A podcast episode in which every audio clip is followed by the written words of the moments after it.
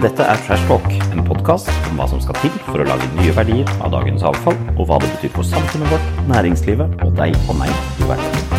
Programledere det er Pål Frisvold, Katrine Barth og meg, Preben Karlsen.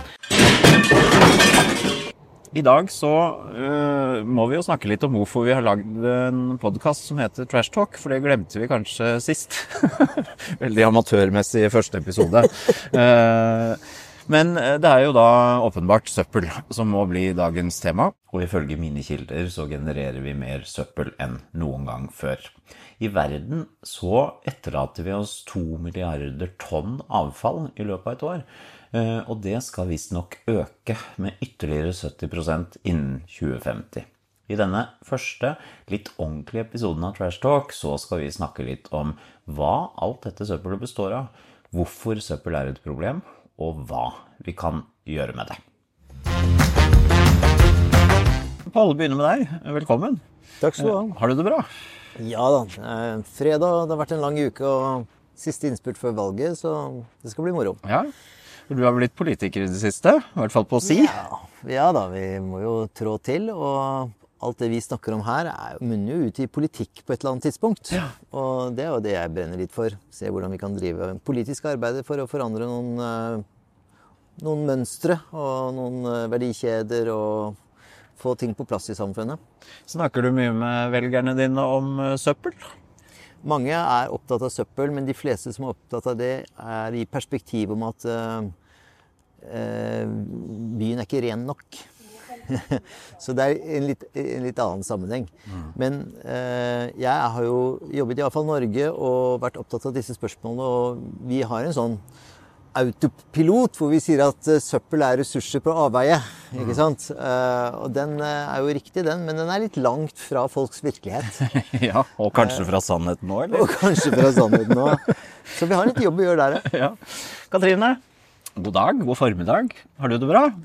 Ja, jeg gleder meg til den stunden her med dere. Altså, Få lov å sitte på plassen her og bare få lytte litt. Mm. Mm. Hadde hatt en helvetes uke, var det ikke det du sa?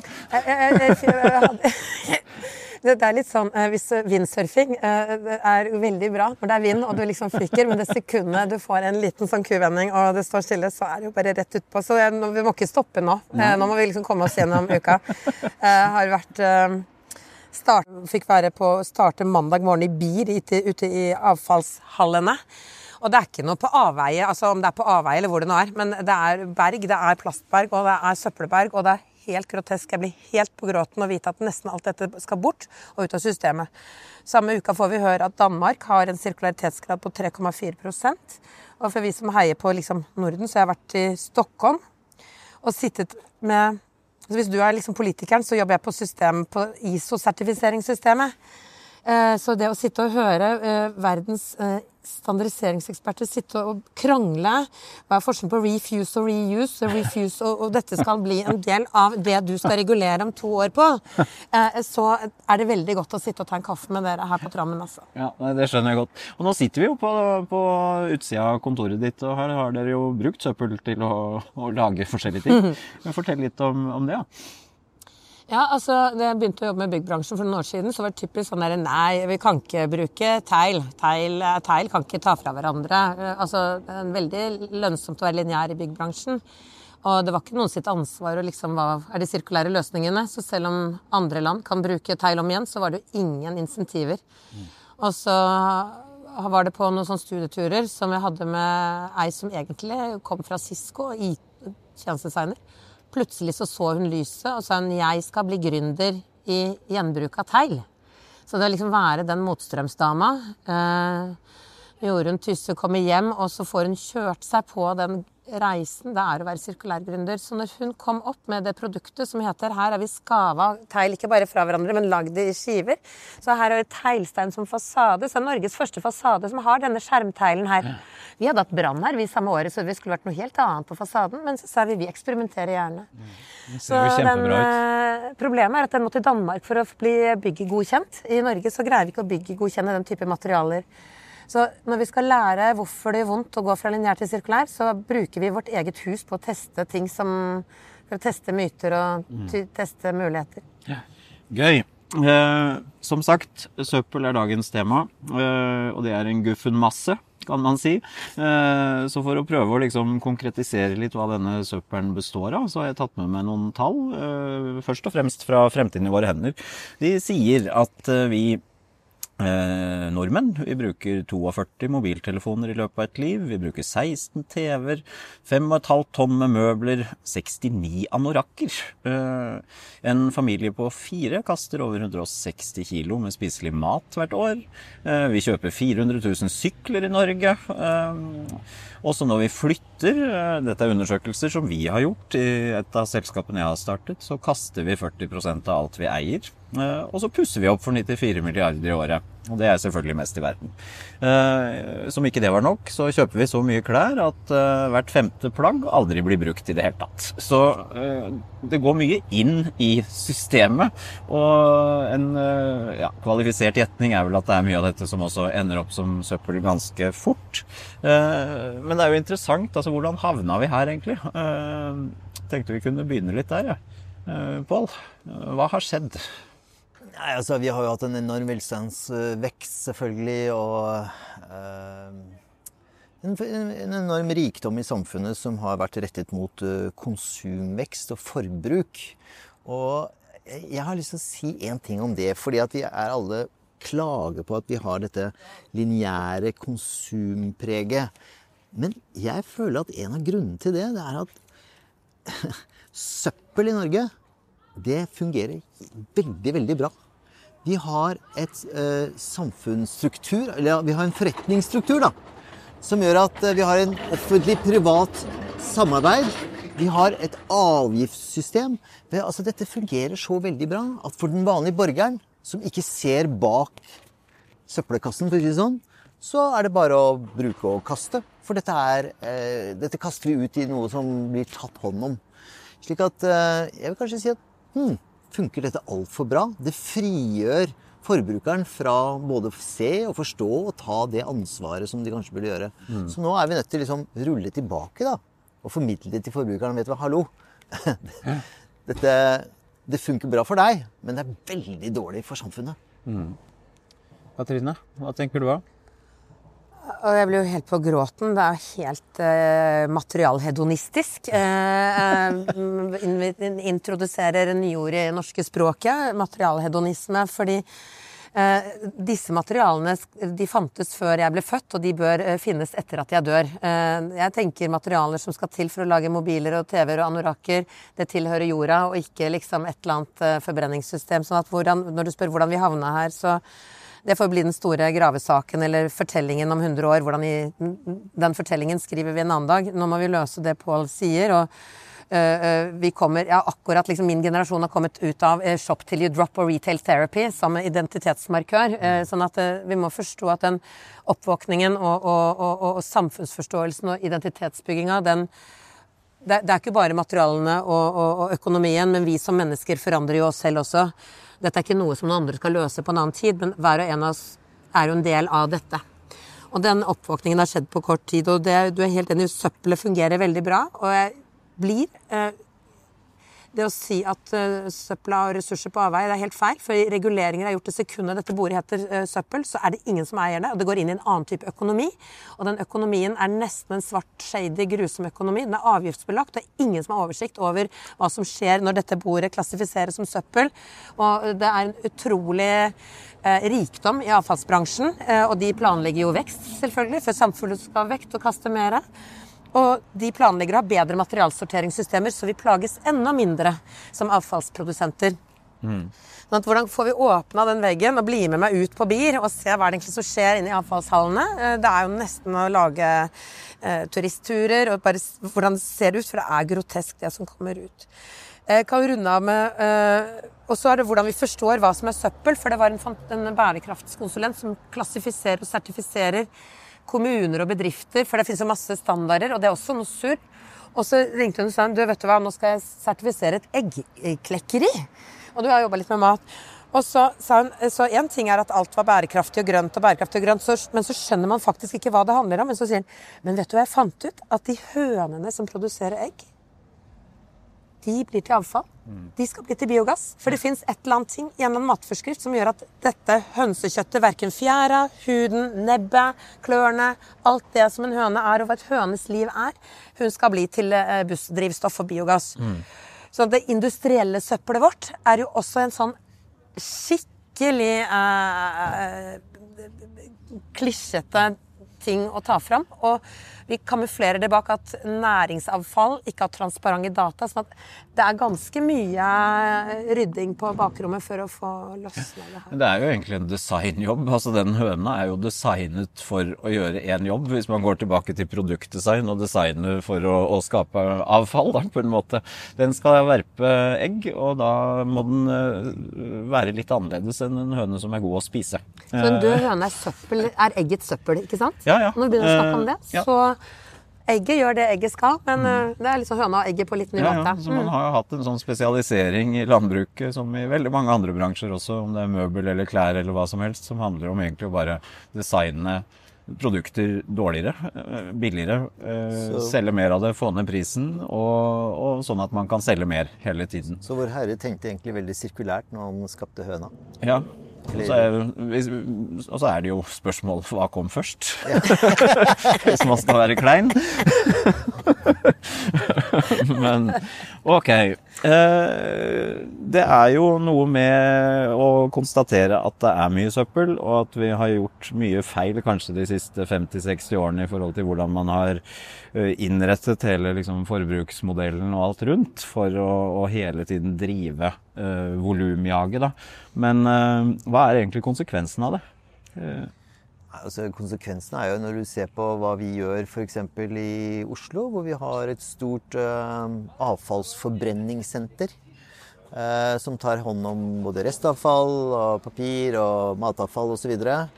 Um, men hele den filosofien om at vi bare skal brenne, det er egentlig ganske dårlig filosofi. Og vi har bygget så mye kapasitet at vi faktisk importerer da søppel fra andre land for å fylle disse kapasitetene. Og så, og så, og så produserer vi varme for Oslo. Så det er jo en vinn-vinn. Ja. Men uh, hele den derre Vi har jo på en måte resignert, da. Og si at OK, vi klarer Vi makter ikke å plukke denne søppelen fra hverandre. Eller sørge for at vi at vi får produkter som vi kan gjeninnsette inn i, inn i økonomien, slik at vi bare brenner det.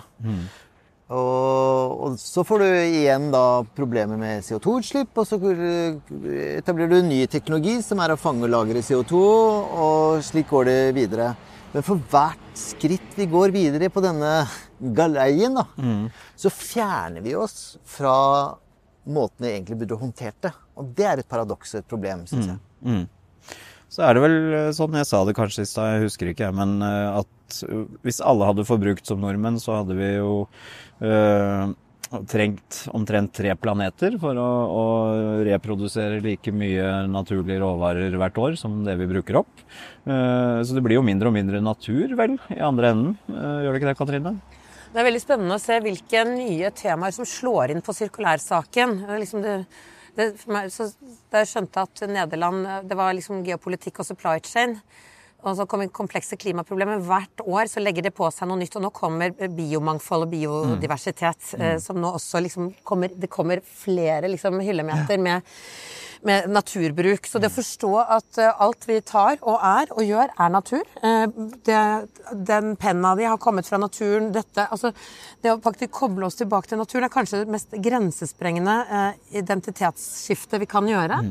At det er ikke vi som rår over og skal utbytte, men naturen er egentlig en del av oss. Tror du folk kommer til å klare å forholde seg mer aktivt til disse problemene fordi naturen er nærmere enn CO2, f.eks.? Altså det er lettere å identifisere seg med en truet ja, jeg, jeg panda? tenker dette handler om, om språk. Altså, øh, øh, jeg prøvde å gå på klimaspråkforståelse da jeg begynte med det her. For hvis jeg ikke skjønner bæret, så Ikke at det er den skarpeste kniven i skuffen, men at hvis jeg ikke skjønner det, så skjønner ikke de andre heller. Og da hadde jeg liksom tatt øh, grønn vekst og bærekraftsøkonomi, og så gikk jeg på sånn klimafrokost og forskningsfrokost og sånn som Du, du kjenner jo alle de her, ikke sant? Miljøbransjen. Og så, og så tenkte jeg hvorfor, vi, hvordan skal vi snakke? Og det som er spennende nå, har For tre år siden så var det, begynte den naturpositivt. Hva for noe? Og nå er det Espen Barth Eide sjøl som går rundt og sier vi skal inn i naturpositiv økonomi. Eh, hva det betyr for deg, eller hva det betyr for meg, det er ikke så viktig. Men det er faktisk eh, kanskje litt lettere å ha litt lyst til å bli med på noe naturpositivt. Altså, uansett, nå er det valgtid, ikke sant? Det er ikke noen i det er ingen partier som er mot natur. Det er ikke noen som våkner opp om morgenen nå skal vi ødelegge og herje litt, dere. Vi bare tenker litt forskjellig på hvordan ressursforvaltning Men det snakkes jo da, altså i forhold til natur, da, hvis man sier at det er det vi virkelig liksom er nødt til å, å passe på, for å, og, og det innebærer at vi må redesigne måten økonomien vår fungerer på, egentlig, for å få mer ut av ressursene våre, eh, så står det jo ingenting i disse FN-rapportene og planene om natur. Eh, Det handler om vern, men det handler jo ikke om forbruket. Ikke sant? Altså det går ikke inn på kjernen i problemet som gjør det basically umulig å verne noe som helst, hvis man ikke klarer å få, få bukt med overforbruket. Hvorfor er vi så redd for å snakke om overforbruk? Eller jobbe med det politisk? Ja, jeg vet ikke om jeg har lyst til om om vi er redd Jo, ja, du, du får snakke om hva vi er redd for på. Jeg tenker at liksom kampen om råstoffene uh, Vi har råd til å være avfallsprodusenter. Vi har råd til å liksom Et eller annet sted så sitter vi låst fast. En fisk vet ikke hva vann er, liksom. Sånn at vi har råd til å slippe å forholde oss til altså Da de bygde avfallssystemet i Roma, jeg syns det er spennende, fordi at man måtte lage et system som fjerna kadaver og bygde Og liksom infrastrukturen til avfall er jo bare 500 år gammel, liksom. Eh, sek- nei, 1500, det, dere kan historie. Men det jeg tenker på kamp disse, Vi ser det samme når vi lager standardisering og koble det er ikke bare å kontrollere materialflyten, men hvordan kobler vi det til det økonomiske systemet? Her er det gøy å gå. fordi når Timmermans sier vi skal lage mer verdi med mindre ressursavtrykk, så kommer han egentlig med ligningen som kobler oss til natur, og kobler til en annen type økonomisk system. Vi har den ikke klar ennå, men det er dit vi skal. Timmermans er Frans Timmermans, handover til deg. Timmermans er jo, har vært visepresident i Europakommisjonen, ansvarlig for grønne given og sirkulærøkonomiens eh, på en måte pådrags... eh, Hva heter det?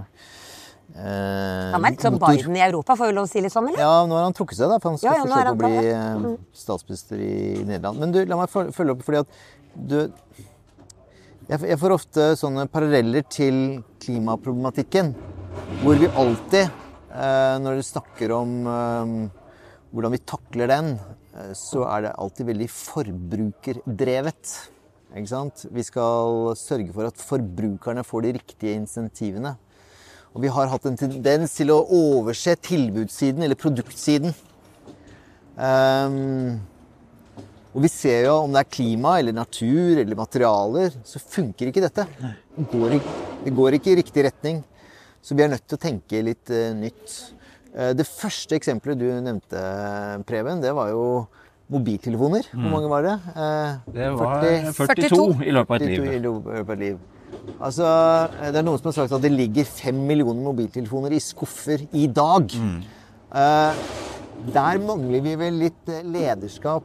eh, fordi at ganske enkelt kunne vi etablert en ordning hvor du kan levere tilbake den mobiltelefonen, og antageligvis få ganske mye penger for den. Men eh, det er som om vi har laget en knallgod verdikjede for å ta hånd om søppel. Men så har vi stoppa der. Så vi ikke klarte på møbler, mobiltelefoner, alle de produktkategoriene du snakket om.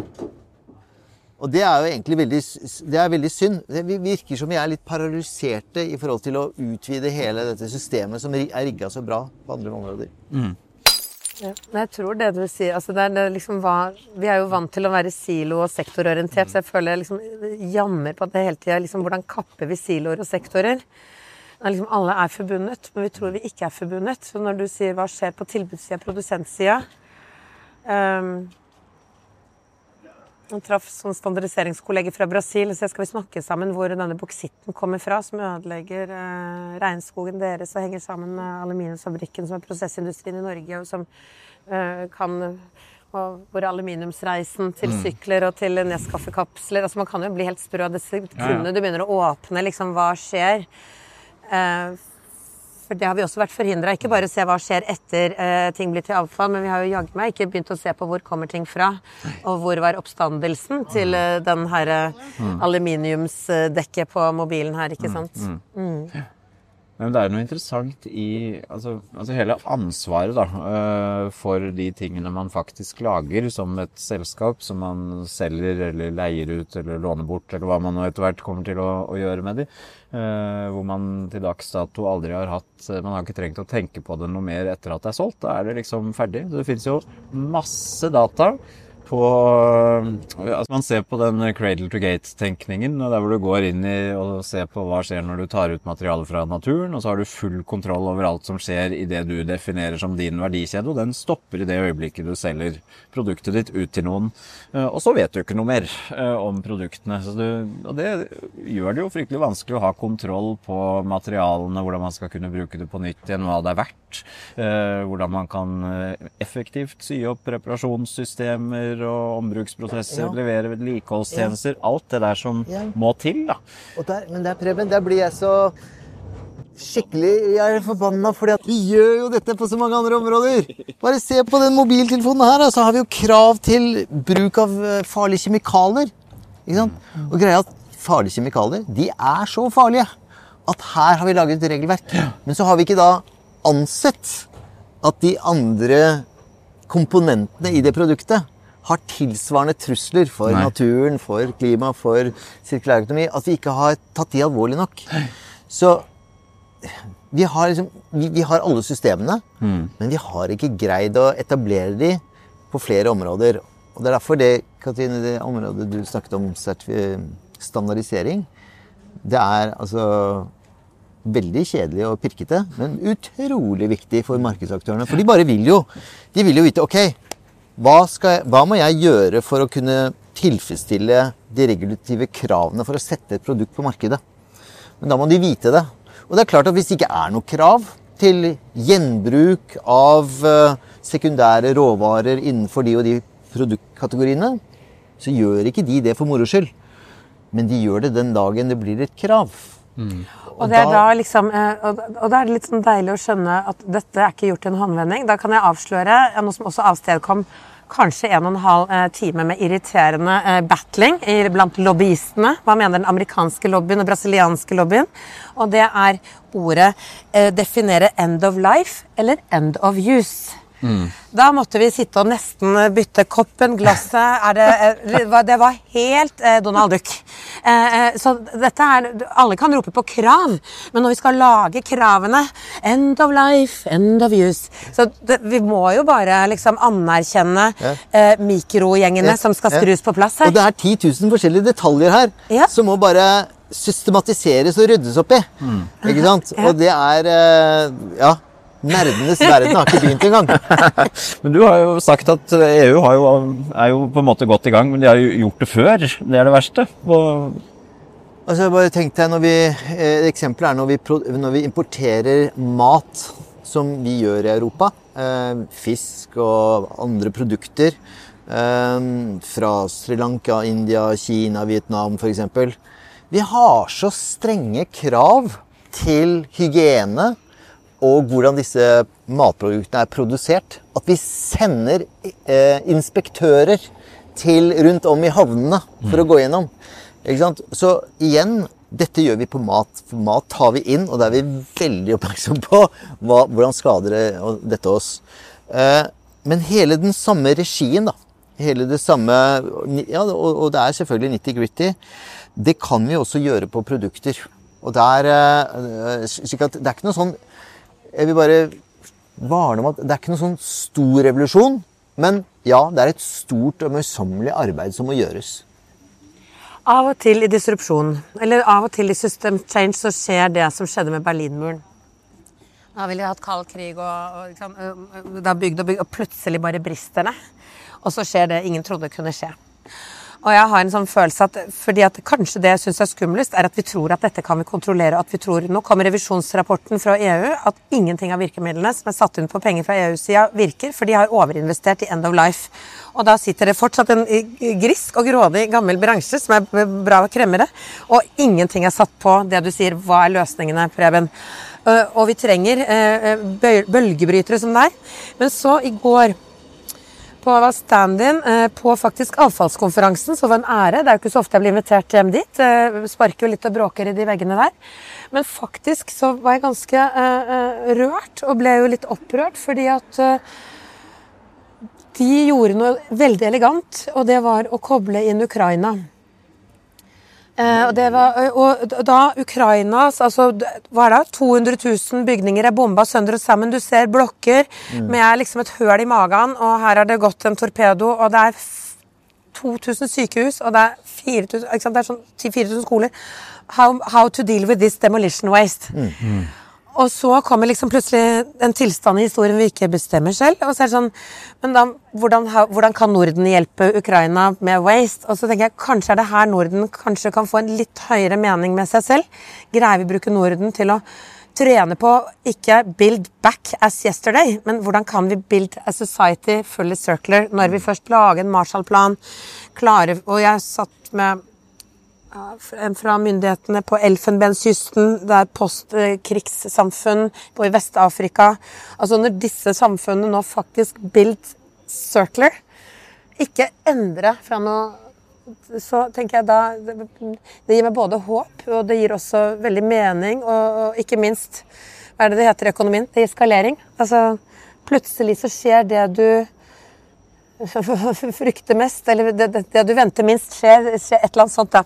Så den derre tanken om at det er ikke sikkert eh, de rikeste på haugen greier å forandre seg. Det er ikke sikkert det går. Build back to build better. Ja. Nei, vi må tenke annerledes. Det var noen Og sammenhenger det- som plutselig slo ned og inn. at det,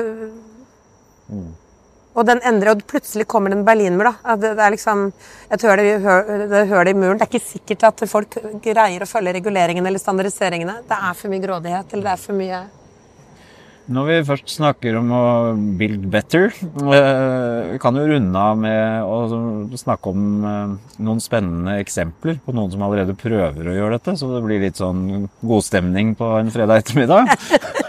Hadde ikke det vært fint? Jo. Har dere noen eh, dere har lyst til å løfte frem, eller som, som det er gøy å snakke om? Vær så snill, si ja da. Ja, nå sitter jeg og ruger ser på. Ja, jo, altså eh, Norsk Gjenvinning har jo drevet mye med gips, f.eks. Det er jo en eh, solsinnshistorie. Hvordan man kan bringe aktørene i en verdikjede sammen. Og kommunisere og samarbeide. Eh, og her er det ja, det er en veldig god story, syns jeg.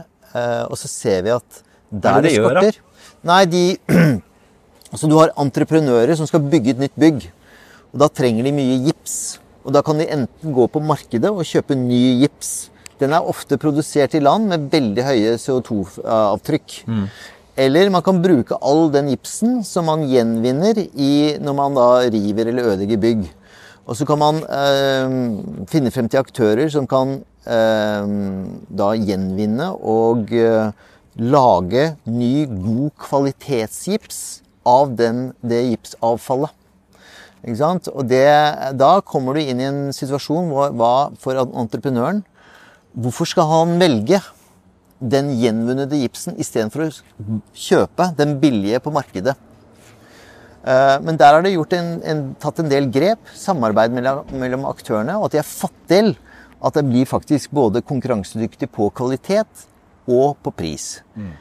Det som eh, paradoksalt nok har vært en, eh, et, hinder, det har vært eh, myndighetsregelverket, som har satt et tak på hvor mye de kan benytte av denne form for, for gipsen. Eh, slik at her må jo myndighetene følge på. Men det er et godt eksempel at markedet har gått i Hvorfor i bresjen. huleste har myndighetene si- satt det taket? Bare for å spørre om det. Altså Hvis de har kommet opp med en løsning, er det ikke greit å la de få lov til å levere noe bedre enn det som finnes? byggsektoren er veldig regulert. Ehm, så jeg skal ikke si akkurat hva som er årsaken til det. Jeg vet bare at denne bransjen har vært opptatt av at de har møtt noen barrierer da, Mm. på, uh, innenfor uh, det som er myndighetens krav. Uh, og det er synd. For dette er et glimrende eksempel på at aktørene har selv klart å finne hverandre. Og det er jo det som er i denne fordømte sirkulærøkonomiutfordringen. Hvordan kommer aktørene sammen? Helt fra ja, Altså, Jeg skal ikke engang nevne alle de stadiene, for det vil ta altfor lang tid. Eh, men det er veldig, veldig viktig. Men Katrine, du har sikkert mange andre gode eksempler. Ja, altså Litt av fanesaken min er alle disse materialene som blir borte. Så når vi holder på med sånn 2, 3 og 4% Vi får ikke gjort noe med det, for materialene kommer ikke tilbake i den norske økonomien igjen. Så jeg har to sånne favoritteksempler, og når folk ser det, bare jøss, er det mulig? Og dette kan vi gjøre hvor som helst. Og du har Tor Sigfusson på Island, som bare får den islandske torsken til å ha i løpet av tre år får den 700% høyere verdi enn bare torskefileten. For vet du hva han gjør? Han bruker torskeskinnet, så har han lagd en fantastisk medisin. Han går til medisinbransje, så da bytter han fra matbransje til Medifarma. Og da bruker han torskeskinnet, har noen enzymer som da brukes som spesialbrannsårmiddel. Og det er sånn, sånn crazy brannsår som eh, folk dør av. Da har det vist seg at du kan faktisk bruke dette torskeskinnet, og det er ikke science fiction, det gror på en annen måte. Dette er betalingsviljen skyhøy for i markedet. Så denne Keresis-firmaet, som nå er børsnotert på islandsk selskap, tenker jeg eh, Hva hvis eh, liksom den, Da skaper det merverdi med mindre materialavtrykk. Og så slipper den fisken å bli til biogass. Um, og det samme kan vi gjøre på frukt. Og jeg tenker veldig på frukt uh, Sognefjorden og frukt uh, Vestlandet. Og jeg ser hver gang jeg forteller den fortellingen om Nydelig, nydelig sko og vesker som er laget av eh, tomatstammefiber, eller mangoavfall. Og da har du dette eksperimentlandet i Blue City Nederland. Nå skal vi ta med 30 bankfolk ned dit på studietur om en måned. gøy. Jeg liksom... håpet du skulle snakke om det, skjønner du. Så nå skal de komme og se og få ta, og så skal de komme hjem til Norge igjen og bli superinspirert. Og så si ja, vi må jo ikke kaste fruktavfallet vårt eller bygge eh, aksene våre. Eh, dette kan bli til nye materialer og nye næringer på Hedmarken og i Luster, og hvor vi nå driver med jordbruk. Så det er Hva kanskje er, mine to ja, Blue City, du bare nevnte det så vidt. Det er jo ukjent for de ja, fleste. Ja, Blue City er litt sånn som her. Dette er en gammel vaskehall, bilvaskehall. En del av kanskje Oslo østkants største slum. Og her har det vært vaska penger og biler og alt som ikke tåler dagslys. Eh, dette var kanskje litt sånn i den derre eh, Rotterdams eh, litt sånn sailor-strøk. Så, så var det en Tropicana badeland. Og det var egentlig så shady, så det var ikke noe populært badeland. Men det er helt sånn, litt sånn George Michael-aktig Club Tropicana. Men nå er det tørrlagt. Og der er det et sånn hus hvor man tester og eksperimenterer på avfall på avveie. For det er jo masse av det på skipene i Rotterdam. Der frakter man jo inn. Ref, hvor kommer ting fra? En tredjedel av Europas varer og produkter kommer gjennom den havna, Rotterdam-havna. Utrolig. Så den som er opptatt av skalering mm. Sånn at mengden med mango Altså når, når de kommer med råtne frukt over eh, Atlanterhavet, så skal det et sted. Og da er dette laboratoriet hvor de bruker De trener på å lage nye materialer av det som skal ikke bli avfall. Det er utrolig gøy. Hvorfor eh, gjør Nederland så mye bra, Pål? Jeg tror Nederland er, eh, har en kombinasjon at det er jo et et, et, et, et, totalt overbefolket land.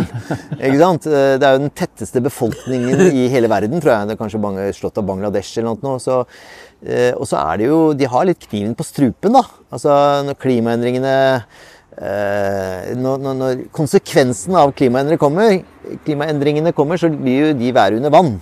Så jeg tror det blandes sammen med den kulturen at de er veldig de er veldig søkende. De har et høyt utdanningsnivå, de har et høyt industrialisert nivå. De har Samtidig så har de et enormt landbruk. Eh, som tar veldig mye ressurser. De har fått det nye store landbrukspartiet, by the way, som eh, går imot all form for reform av eh, eh erstatning av giftige sprøytemidler. Men anyway, nei, Holland er et interessant land. Absolutt. Ja. Eh, det kommer opp hele tiden når man snakker om sirkulærøkonomi, så kanskje vi må jobbe aktivt for å få til noen tverrnasjonale prosjekter. Ja. Det får vi ta neste uke. Eh, for nå skal Pål ut og vinne valg. Eh, Katrine skal fullføre helvetesuka si, og jeg skal ta helg. Takk for nå. Takk for nå.